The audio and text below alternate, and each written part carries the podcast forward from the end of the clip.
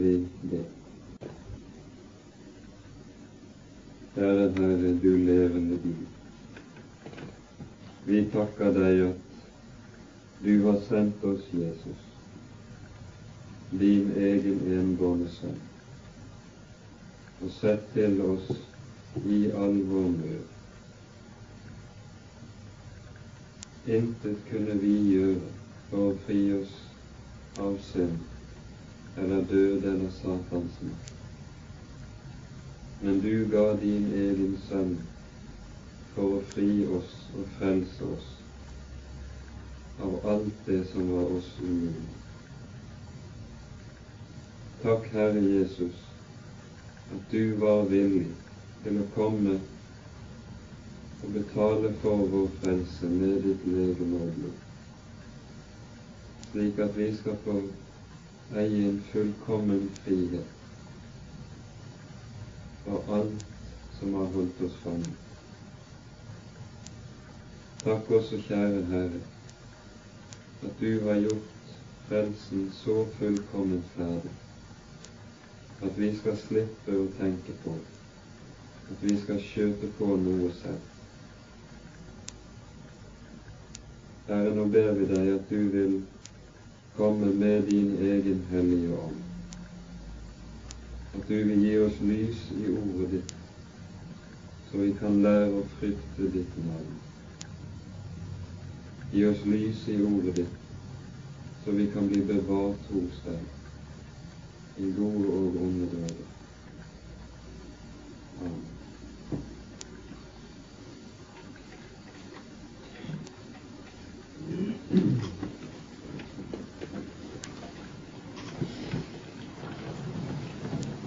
Forrige gang gikk vi gjennom de 13 første versene i det tiende kapittelet her i Korinterbrevet, der apostelen har en gjennomgang av Israels vandring i ørkenen, og hvilke hvorledes de er eksempler for oss disse ting skjedde som forbilder for oss, for at ikke vi skal ha lyst til det onde like som de hadde lyst til det, leste vi.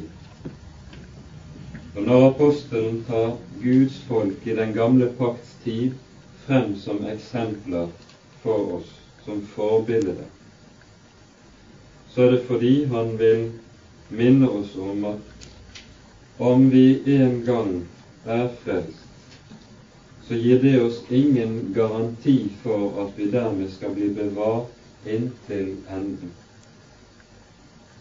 For det, nettopp dette, er det Israel i den gamle pakts tid var eksempel.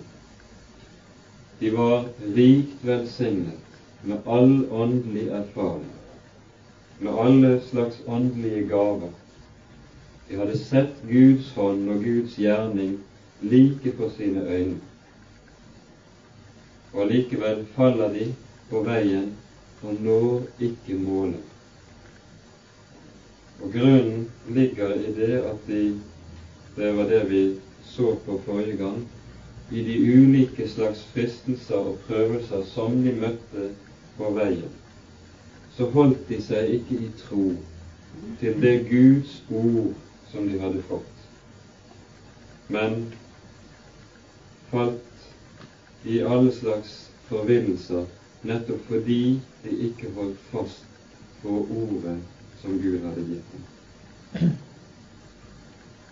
Og Så tror jeg at vi har lov til å si, på bakgrunn av dette som står her, at det skal et like stort under, et Guds under, til for å bli bevart som en kristen, som det skal for det å bli en kristen bli gjenfødt og bli et Guds barn. Akkurat som det første er en Guds gjerning som vi mennesker er ute av stand til å gjøre selv, så er også det å bli bevart en Guds gjerning som vi selv ikke er i stand til. Det er Herren som må ta seg av og fullføre verket. Og så trekker apostelen konklusjonen, som er hensikten med hele dette avsnittet hvor han peker på Israel i den gamle pakttiden.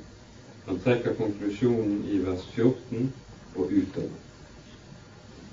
Derfor, mine elskede, fly av gudsdyrkelsen. Jeg taler til dere som til forstandige. Døm selv det jeg sier. Velsignelsens kalk som vi velsigner, er den ikke samfunn med Kristi blod? Brødet som vi bryter, er det ikke samfunn med Kristi legeme? Fordi det er ett brød, er vi ett legeme, enda vi er mange, for vi har alle del i det ene brød. Se til Israel etter kjødet. Har ikke de som eter ofrene, samfunn med alteret? Hva mener jeg altså? At det er noe avgudsoffer til, eller at det er noen avgud til? Nei. Men at det de ofrer, det ofrer de til onde ånder, og ikke til Gud. Men jeg vil ikke at dere skal komme i samfunn med de onde ånder. Dere kan ikke drikke Herrens kalk og onde ånders kalk. Dere kan ikke ha del i Herrens bord og i onde ånders bord. Eller tør vi egge Herren til nidkjærhet? Vi er vel ikke sterkere enn Han. Jeg har lov til alt, men ikke alt gagner. Jeg har lov til alt, men ikke alt oppbygger. Ingen søker sitt eget, men enhver søker den annens beste. Alt det som selges i slakterboden, kan dere ete uten at dere for samvittighetens skyld spør mer etter det for jorden og alt det som fyller den, hører Herren til. Og dersom noen av de vantro ber dere til gjest, og dere vil gå dit, da kan dere ete alt som settes frem for dere, uten at dere for samvittighetens skyld spør mer etter det. Men dersom noen sier til dere, dette er avgudsoffer, da la være å ete det, for hans skyld som sa dere det, og for samvittighetens skyld. Jeg mener ikke ens egen samvittighet, men nestens. For hvorfor skal min frihet dømmes av en annen samvittighet? Men dersom jeg nyter det med takk, hvorfor skal jeg da spottes for det som jeg takker for? Enten dere altså eter eller drikker, eller hva dere gjør, så gjør det alt til Guds ære. Vær uten anstøt, både for jøder og for grekere, og for Guds menighet, like som også jeg i alt streber etter å tekkes alle, og ikke tenker på mitt eget gagn, men på de manges, at de må bli frelst. Bli mine etterfølgere, like som jeg etterfølger Kristus.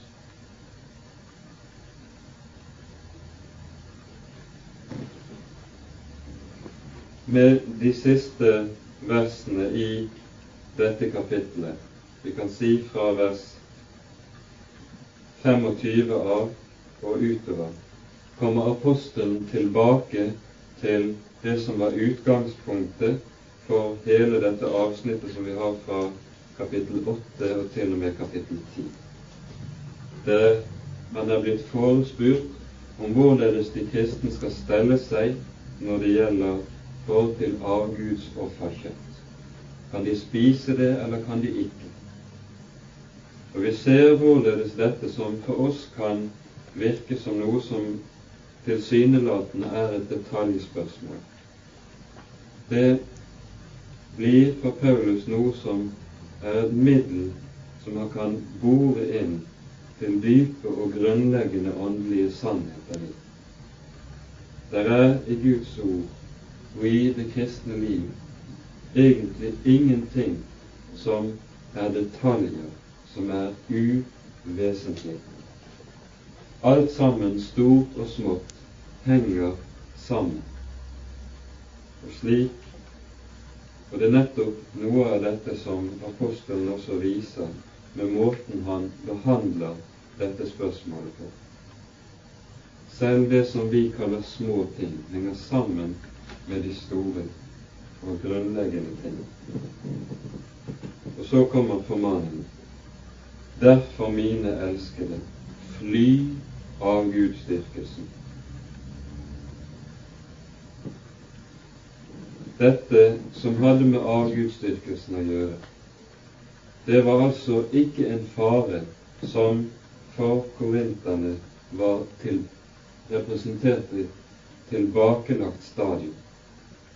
Vi var inne på noe av den avgudsdyrkelse som ligger oss mennesker nær allerede forrige gang, i forbindelse med det som ble talt om Israel og deres fall i ørkenen hvordan det å skulle forandre på Gud for, ved å forandre på Guds ord har vært en grøft som den kristne menighet stadig har ramlet ut i opp gjennom kirkehistorien. Og dette er også en form for avgudsdyrkelse. Men her er det ikke tale om denne form, men her er det tale om den avgudsdyrkelse som de lever midt iblant i det hedenske samfunn som de er inne i. Den representerer en farlig makt som uhyre lett vil kunne få menigheten inn under sitt herredømme dersom de ikke er seg klart bevisst at her er det en grense som ikke må overskrides. Derfor har vi det skarpe ordet som vi finner i vers 21. Dere kan ikke drikke Herrens kalk og onde ånders kalk, som er en anvendelse av et ord fra Jesu munn som dere vet vi finner i bergprekenen. Dere kan ikke tjene Gud og mannen. Ingen kan tjene to herrer, for han vil enten elske den ene og hate den andre, eller holde seg til den ene og forakte den andre. Her sier Jesus altså ikke noe som er et bud. Han sier ikke 'dere bør ikke tjene to herrer', men han konstaterer noe som er et faktum. Dere kan ikke. Det er en umulighet dersom jeg kommer inn under den enes innflytelse, så det er ensbetydende med at jeg forlater den andres innflytelse og herredømme. Jeg taler til dere som til forstandige. Døm selv det jeg sier. Og så trekker apostelen inn forholdet til den kristne nadvær som noe som viser oss hva måltidet er, hva fellesskapsmåltid egentlig er og innebærer. Det gjelder både når vi finner det i kristen sammenheng, og når vi finner det i hedensk sammenheng. Velsignelsens kalk som vi velsigner, er den ikke samfunn med Kristi blod. Brødet som vi bryter, er det ikke samfunn med Kristi legeme. Fordi det er ett brød, er vi ett legeme, enda vi er mange, for vi har alle del i det ene brød. I den første kristne menighet var det slik at dette begrepet velsignelsens kalk, det var et stående uttrykk for nadværens beger. Navnet er hentet fra, fra påskemåltidet, der det var slik at det var fire beger med vin som ble drukket under dette måltidet. Og det tredje av disse begerne ble kalt for velsignelsens kalk, fordi det i forbindelse med denne ble lest en bestemt velsignelse og takksigelse til Guds navn under påskemåltidet. Og det var det skjønner vi jo sammenhengen, på dette punkt i påskemåltidet at Jesus innstiftet nadvær. Velsignelsens kalk ble deretter navnet på nadvær vin. Og så sier apostelen noe som understreker uhyre sterkt hva som er det vesentlige i nadværen. Er det ikke samfunn med Kristi blod? Sterkere kan det ikke uttrykkes hva nadværen gir. Det står ikke bare 'er det ikke samfunn med Kristus', men det står 'med Kristi blod'. Og dermed så setter Det nye testamentet en tykk strek over den måte å tenke på som er naturlig for oss i vår rasjonalistiske tid. Vi hører stadig gjentatt dette at nadværen, den er et symbol. Vinen symboliserer Jesu blod, brødet symboliserer Jesu legeme. Men slik sier ikke Jesus. Jesus sier når han rekker den vinen, så sier han 'Dette er mitt blod'. Og når han rekker den brødet 'Dette er mitt legeme'. Og apostelen understreker det like sterkt. Ved å ta del i nadværen så får jeg samfunn med Kristi blod. Så sterkt sies det. Bibelen forklarer ikke hvordan dette er mulig. For det kan vel heller ikke forklares. Det er et mysterium, og det er et under. Men nettopp i dette under ligger også hele nadværens velsignelse, nemlig at den levende Gud kommer og rekker meg sin egen sønns legeme og blod som han ga på korset, det kommer han og rekker meg her og nå, når jeg eter og drikker. Og dermed får jeg i eie alt hva Jesus ga og tilveiebrakte oss med soningsverket på korset. Det er en fylde og en rikdom av velsignelse, av liv og salighet, som ligger gjemt her, som vi ikke kan utgrunne, men på ny og på ny bare kan få ta imot med takksigelse. Brødet som vi bryter, er det ikke samfunn med Kristi legeme. men samme sannhet. Hermed skal vi også være klar over at når det sies som vi også kan høre det, at nadværen bare er et minnemåltid, så er det også en underslåing av det som er den bibelske fylde i det som skjer. Det er riktig at Jesus sier 'gjør dette til minne om meg'. Men i Bibelen er dette ikke noe man kan si bare om.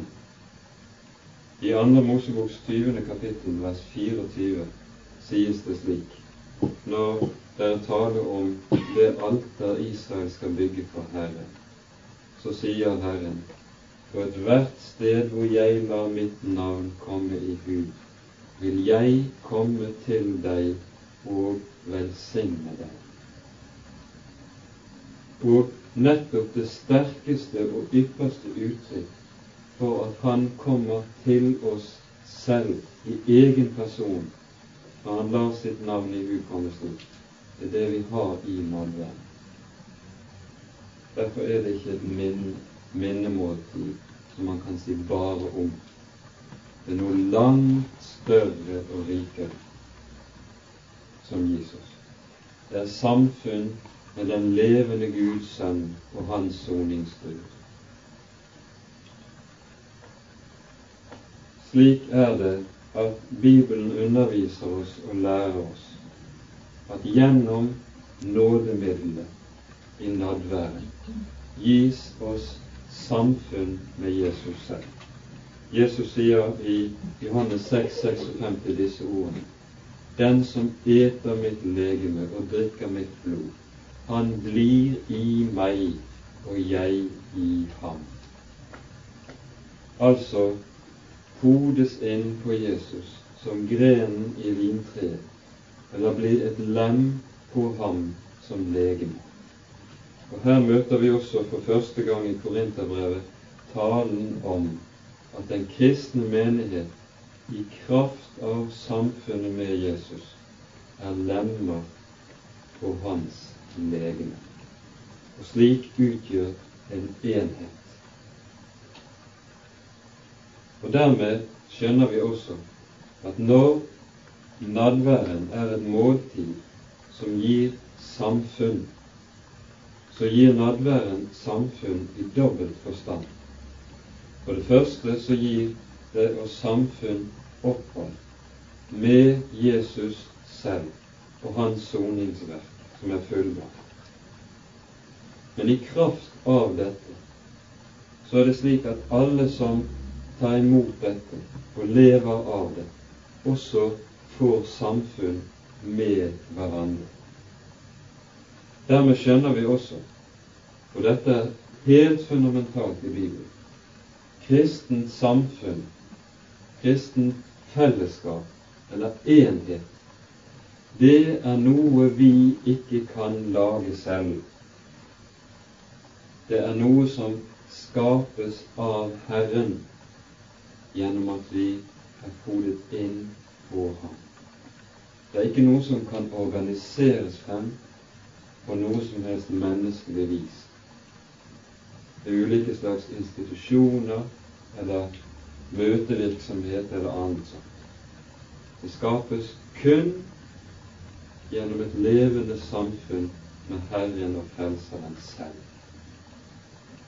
Det samme understrekes i 1. Johannes brev, i det første kapittelet der det står slik Det som var fra begynnelsen, det vi har sett med våre øyne og hørt med våre øyne, og som våre hender har tatt og følt på, om livets ord som vi forkynner dere.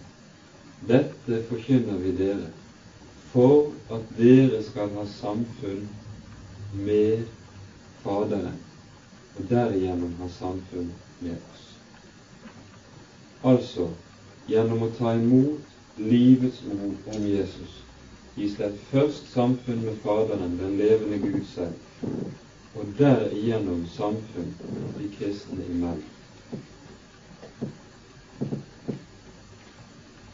Dermed skjønner vi også at der hvor det ikke er samfunn med Jesus, der kan det heller ikke være noen enhet når man aldri så mye har navn av å være kristen. Da blir den enhet man har, noe som bare er laget gjennom å glatte over en skarp motsetning. Den motsetningen som det er mellom himmelriket og denne verdens rike, mellom liv og død. En slik motsetning kan ikke glattes over. Den må få lov til å stå. Fordi det er ett brød, er vi et legeme, enda vi er mange, fordi vi alle har del i det ene brødet. Derigjennom taler apostelen om at Jesus er det livets brød, det sanne livets brød, som skaper enhet oss imellom. Så går han videre og peker på offertjenesten i Det gamle testamentet. Hvorledes den virke? Se til Israel etter kjød, sier han. Har ikke de som eter av ofrene, samfunn med alter?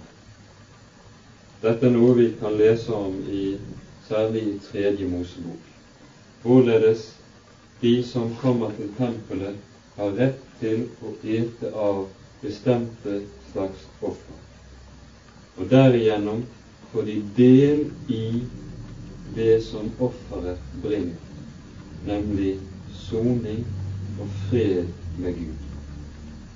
Det var slik i Det gamle testamentets tid at Gud innsetter offertjenesten som det punkt i Israel der Herren kan få samfunn med folket. Derfor kalles også helligdommen for sammenkomstens telt. Det er noe vi kan se, et ord vi møter gang på gang i Mosebøkene. Sammenkomstens telt. Der hvor Herren kommer sammen med sitt folk, blir ett med dem og har fellesskap med dem, i og med at det ofres til soning for synd. Det er kun på de premissene det gis fellesskap med Gud i Bibelen. Og slik er det i Det gamle testamentets tid at de som så var i tempelet, kunne ta del i offermåltidet, og slik ble det legemliggjort den soning og det fellesskap som de derigjennom fikk del i. Det var ikke noe, bare noe som var symbolsk. Det var et reelt og virkelig fellesskap som ble formidlet gjennom dette.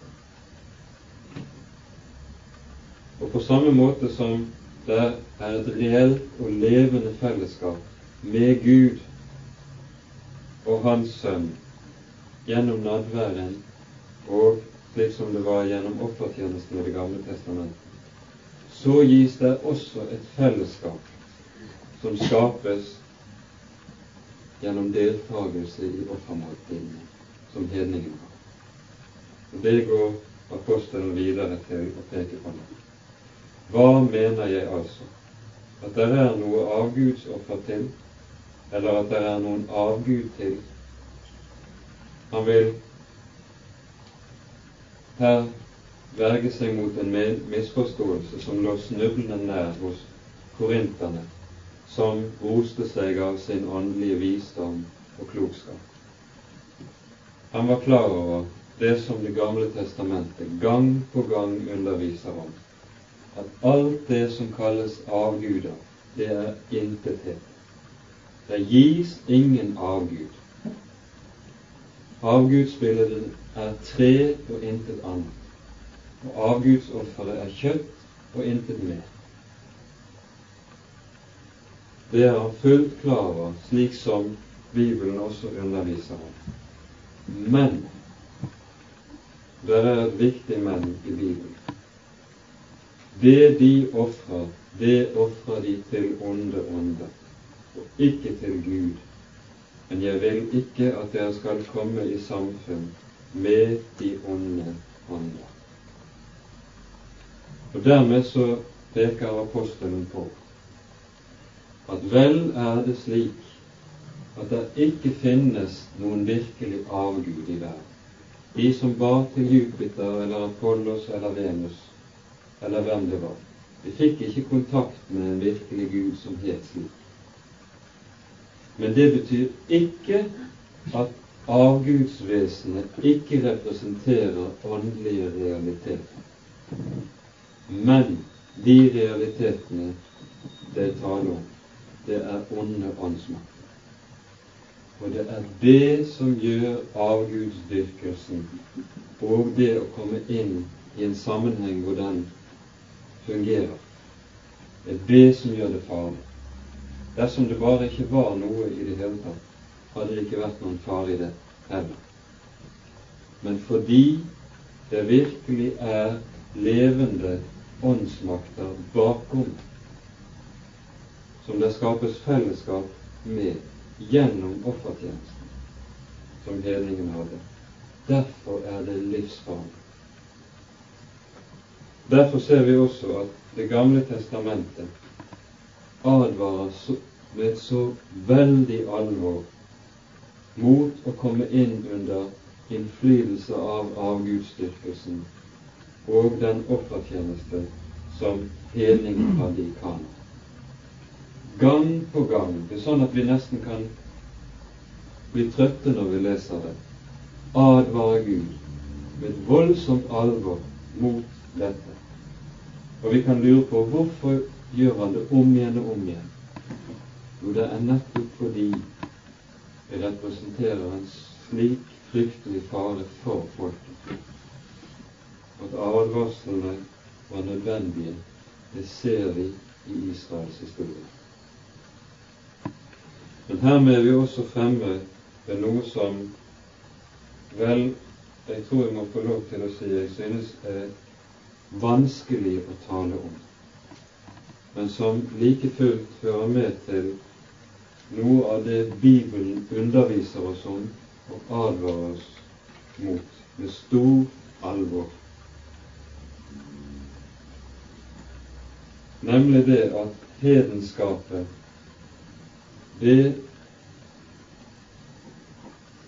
og den tidsånd som hedenskapet er eksponent for, det er bærere av ond åndsmakt. Vi kan ta frem to ord i Efeserbrevet for å anskueliggjøre dette. For det første i Efeserbrevets andre kapittel.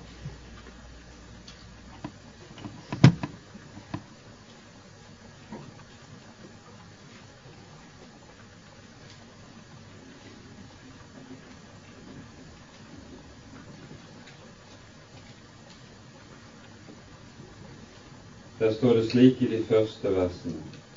Også dere har Han gjort levende, dere som var døde ved deres overtredelser og synder, som dere fordum vandret i etter denne verdens løp, etter høvdingen over luftens makter, den ånd som nå er virksom i vantroens barn, blant hvilke også vi alle fordum vandret i vårt kjøds lyster i det vi gjorde kjødets og tankenes vilje. Og vi var av naturen vredens barn, like som de andre. Her sier oss, altså apostelen at i hedenskapet er det slik at høvdingen over luftens makter er den virksomme kraft bakom alt det vi ser med våre øyne. Det er ikke slik at det hvis virkeligheten stanser der øynene våre stanser og ikke kan se mer.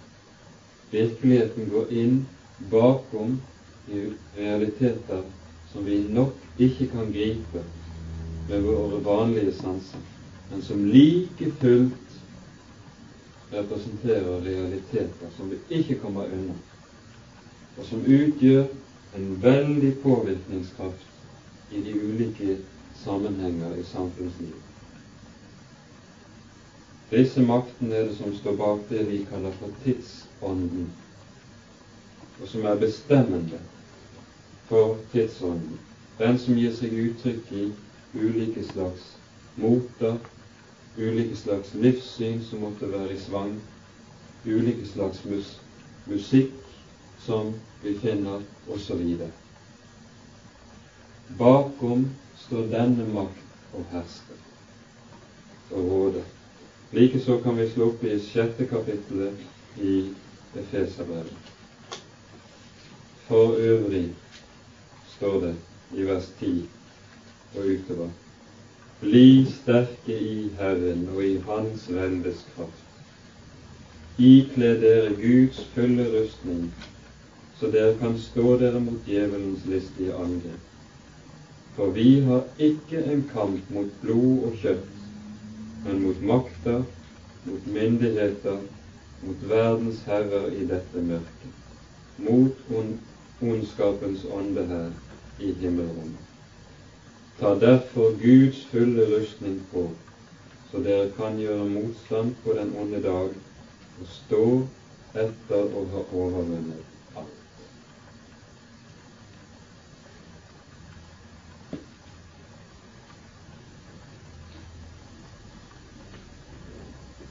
Grunnen til at det kan synes dette er vanskelig å tale om, å tale rett om, det er delvis det at vi har sett så rikelig med avsporinger på dette området. Det vet vi.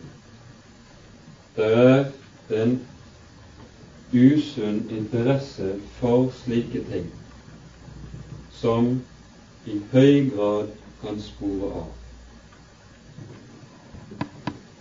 Og vi skal ikke beskjeftige oss med det fordi det er interessant, eller fordi det pirrer nysgjerrigheten.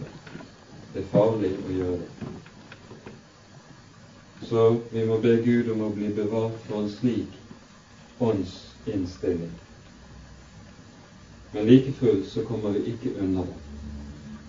Og i dag tror jeg det i sterk grad er nødvendig å dra disse sannheter frem på ny. Fordi vi nå for våre øyne ser fremveksten av en ny åndelig bevegelse, der disse åndsmakter i høy grad er beherskende realiteter. Og det er ikke spøk å begi seg inn på å i kast med noe av dette, eller å snuse i. Vi møter det i dette som man har trukket på skuldrene av og smilt overbærende av i en del år, nemlig astrologien. Astrologien er nå ikke lenger bare en lettvint ukebladlek eller vits. Men det er en ny religion som utallige mennesker i vårt eget land innretter livet etter. Vi møter det i en voksende interesse blant unge særlig. Jeg har møtt det i en rekke sammenhenger den siste tiden, og det er skremmende. For spiritisme.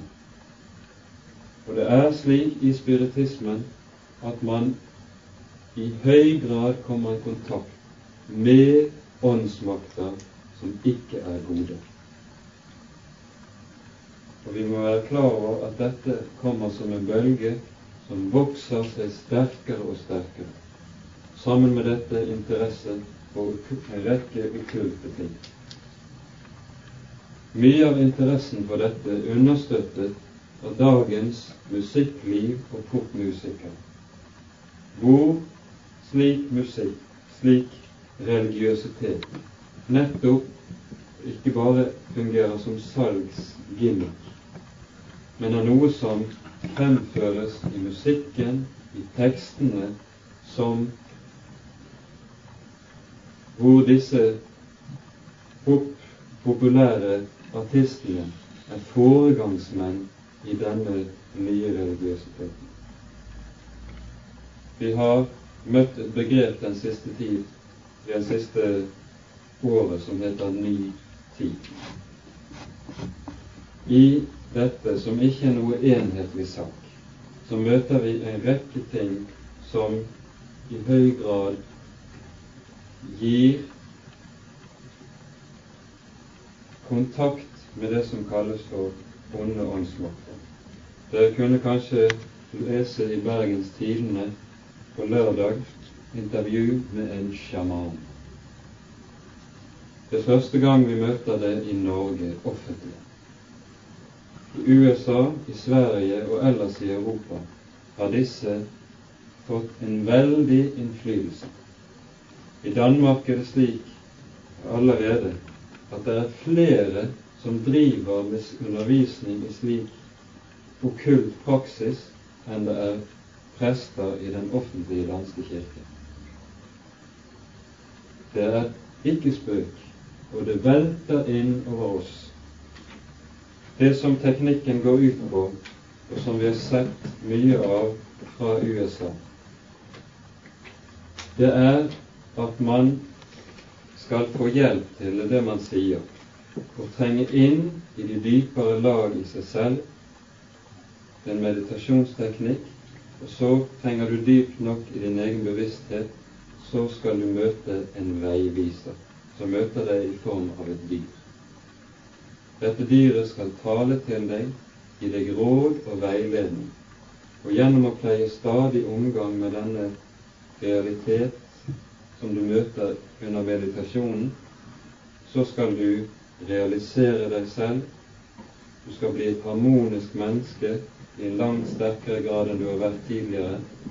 Du skal få realisert evner som du tidligere ikke ante lå i deg selv. Det skapes en ny kreativitet, osv.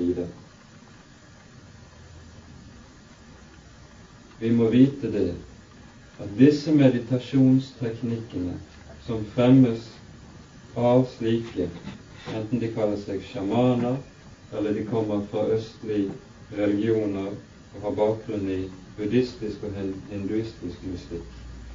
Det er ikke nøytrale ting, men det gir oss en reell kontakt med åndsmakter som stammer nedenfra. Og vi må vite det at dette stormer inn over oss nå. Det er også lagt merke til sikkert hvorledes det har vært foredrag i Studentersamfunnet i Oslo fra en Bente Müller som har skrevet en bok som heter 'Gjennom lysmuren', hvor hun helt klart gir uttrykk for at det hun skriver i denne boken, er ikke hennes egne ord eller tanker eller budskap. Det er en budskap som hun har fått gjennom den engel som heter Lucifer, og som gjennom hele den kristne tid det er et annet navn på den onde. Men legg merke til at dette nå ikke er noe som vekker avsky lenger imellom oss men tvert om blir hørt, som mennesker i hopetall kasta seg på.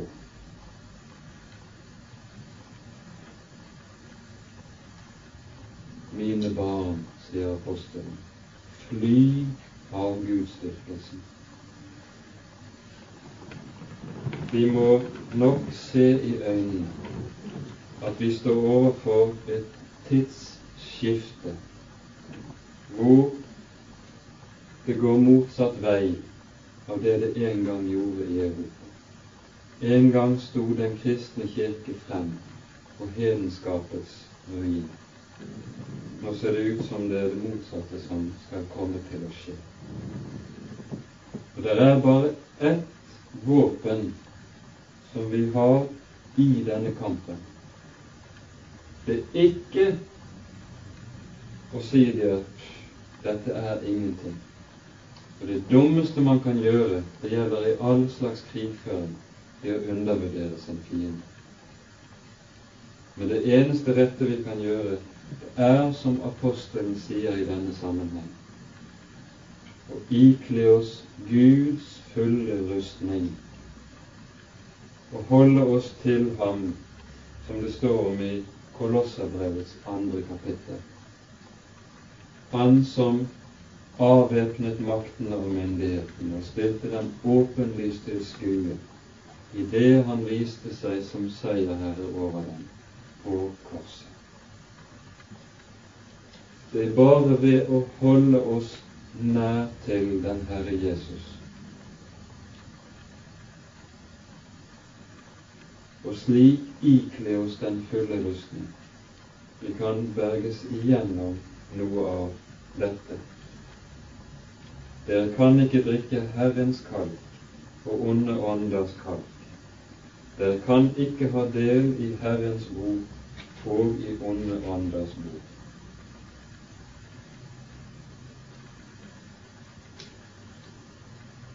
Dere ser at i denne sammenhengen så står det henvist til under i vår bibel 5. Moseboks 32. kapittel, hvor det nettopp er tale om den samme sannhet.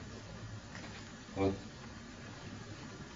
de ulike slags avsporinger på dette området det setter oss i kontakt med det som kalles for maktene.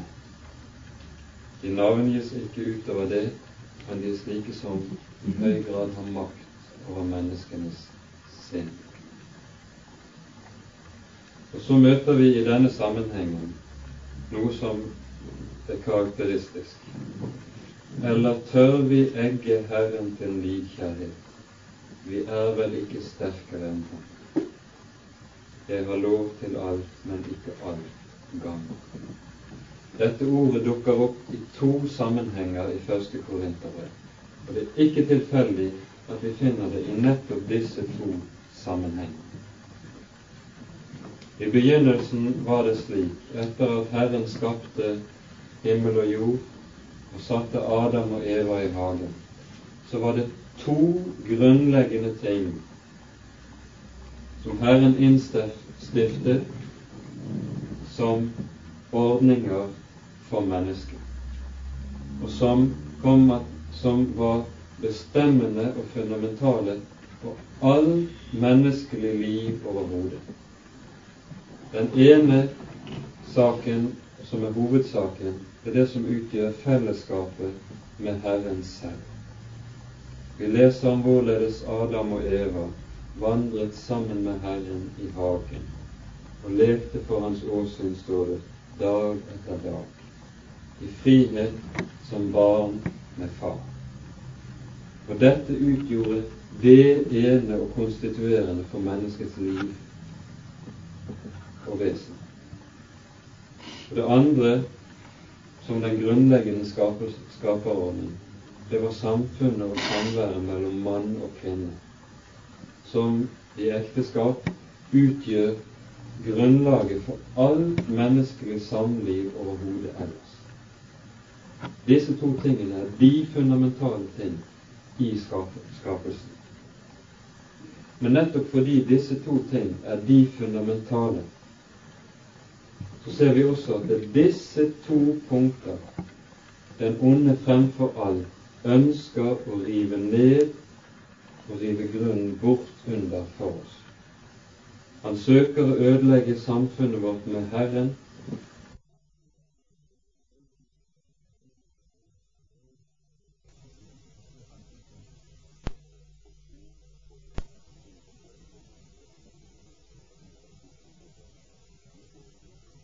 til nykjærhet, taler Bibelen. Det er den elskendes sorg over at den elskede er troløs. Dette ser vi, dette bildet går igjen gang på gang gjennom Det gamle testamentet, der Israel som Guds folk er som en troløs kvinne overfor sin bryter. Og Herren egges til kjærlighet. Og så står det slik i Jakobs brev, fjerde kapittel, i en tilsvarende sammenheng, med nykjærhet attrår Herren den ånd han lot bo i oss.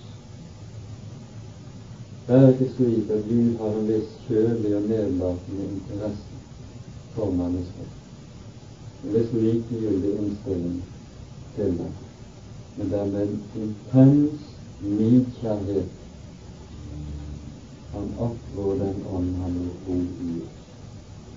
Og det er denne nidkjærlighet som ligger bak de alvorlige advarslene som det tales om.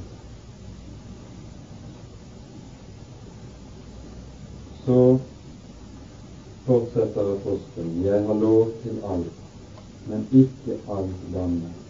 Nei, på denne bakgrunn kan vi skjønne at det slett ikke er alt som gammelt.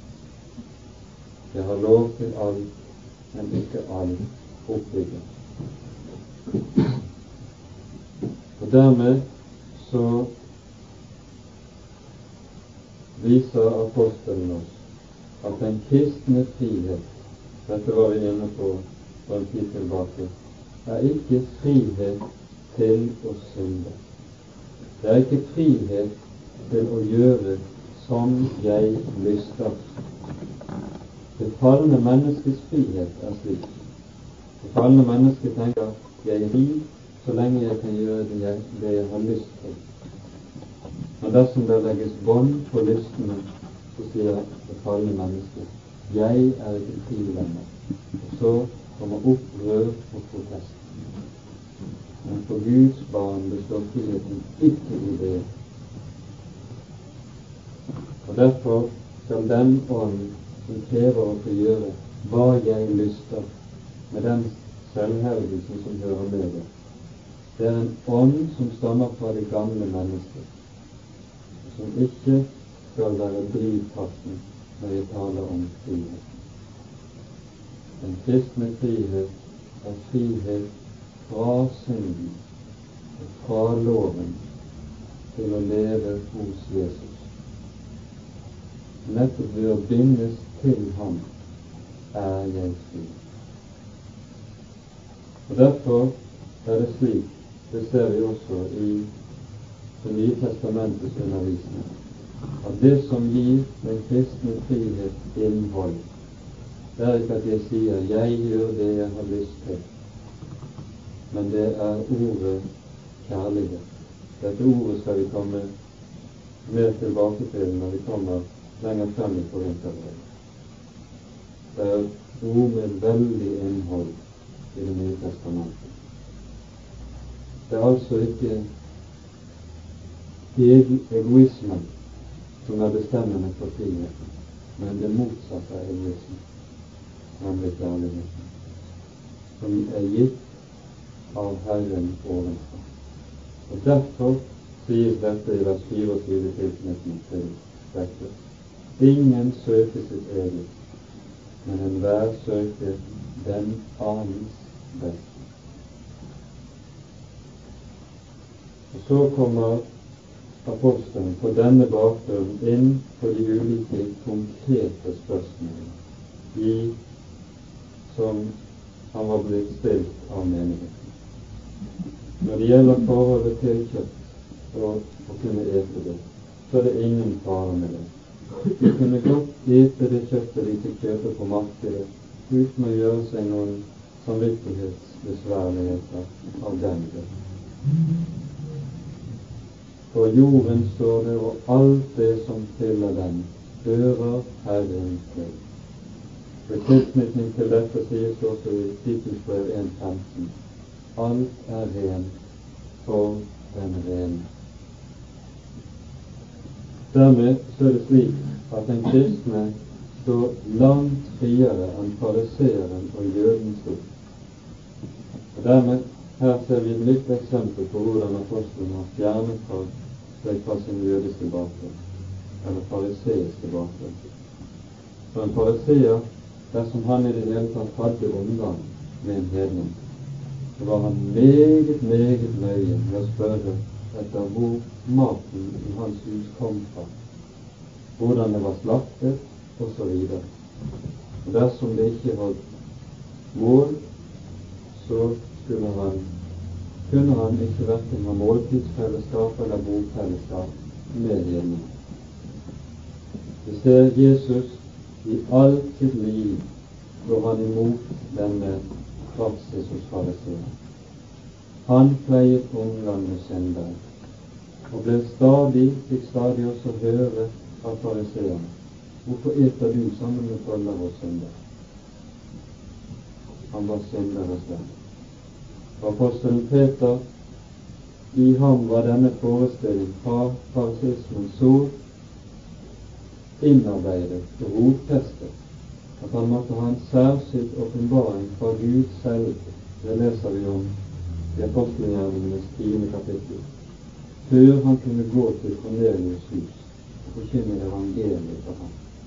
Jeg husker åpenbaringen av duken som kommer ned fra himmelen med alle jordens liv. hvor Herren sier at det jeg har gjort rent, skal ikke du akte for ivrig. På tilsvarende måte sier også Jesus uttrykkelig i Matteusevangeliets 15. kapittel når det gjelder forhold til mat i slik sammenheng. Det er ikke det som går inn i mennesket, som gjør mennesket urent, men det er det som går ut av det. Og med det tenker han på alt det som veller frem av menneskets hjerte. Og det er der synden har sin kilde.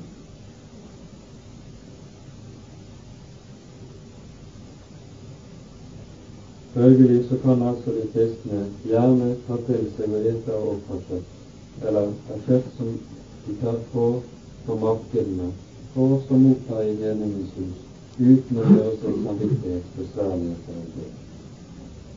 Men dersom de er i besøk og feier omgang med hedninger, og så noen sier til dem dette er offerkjøtt som dere er', da skal de la være det.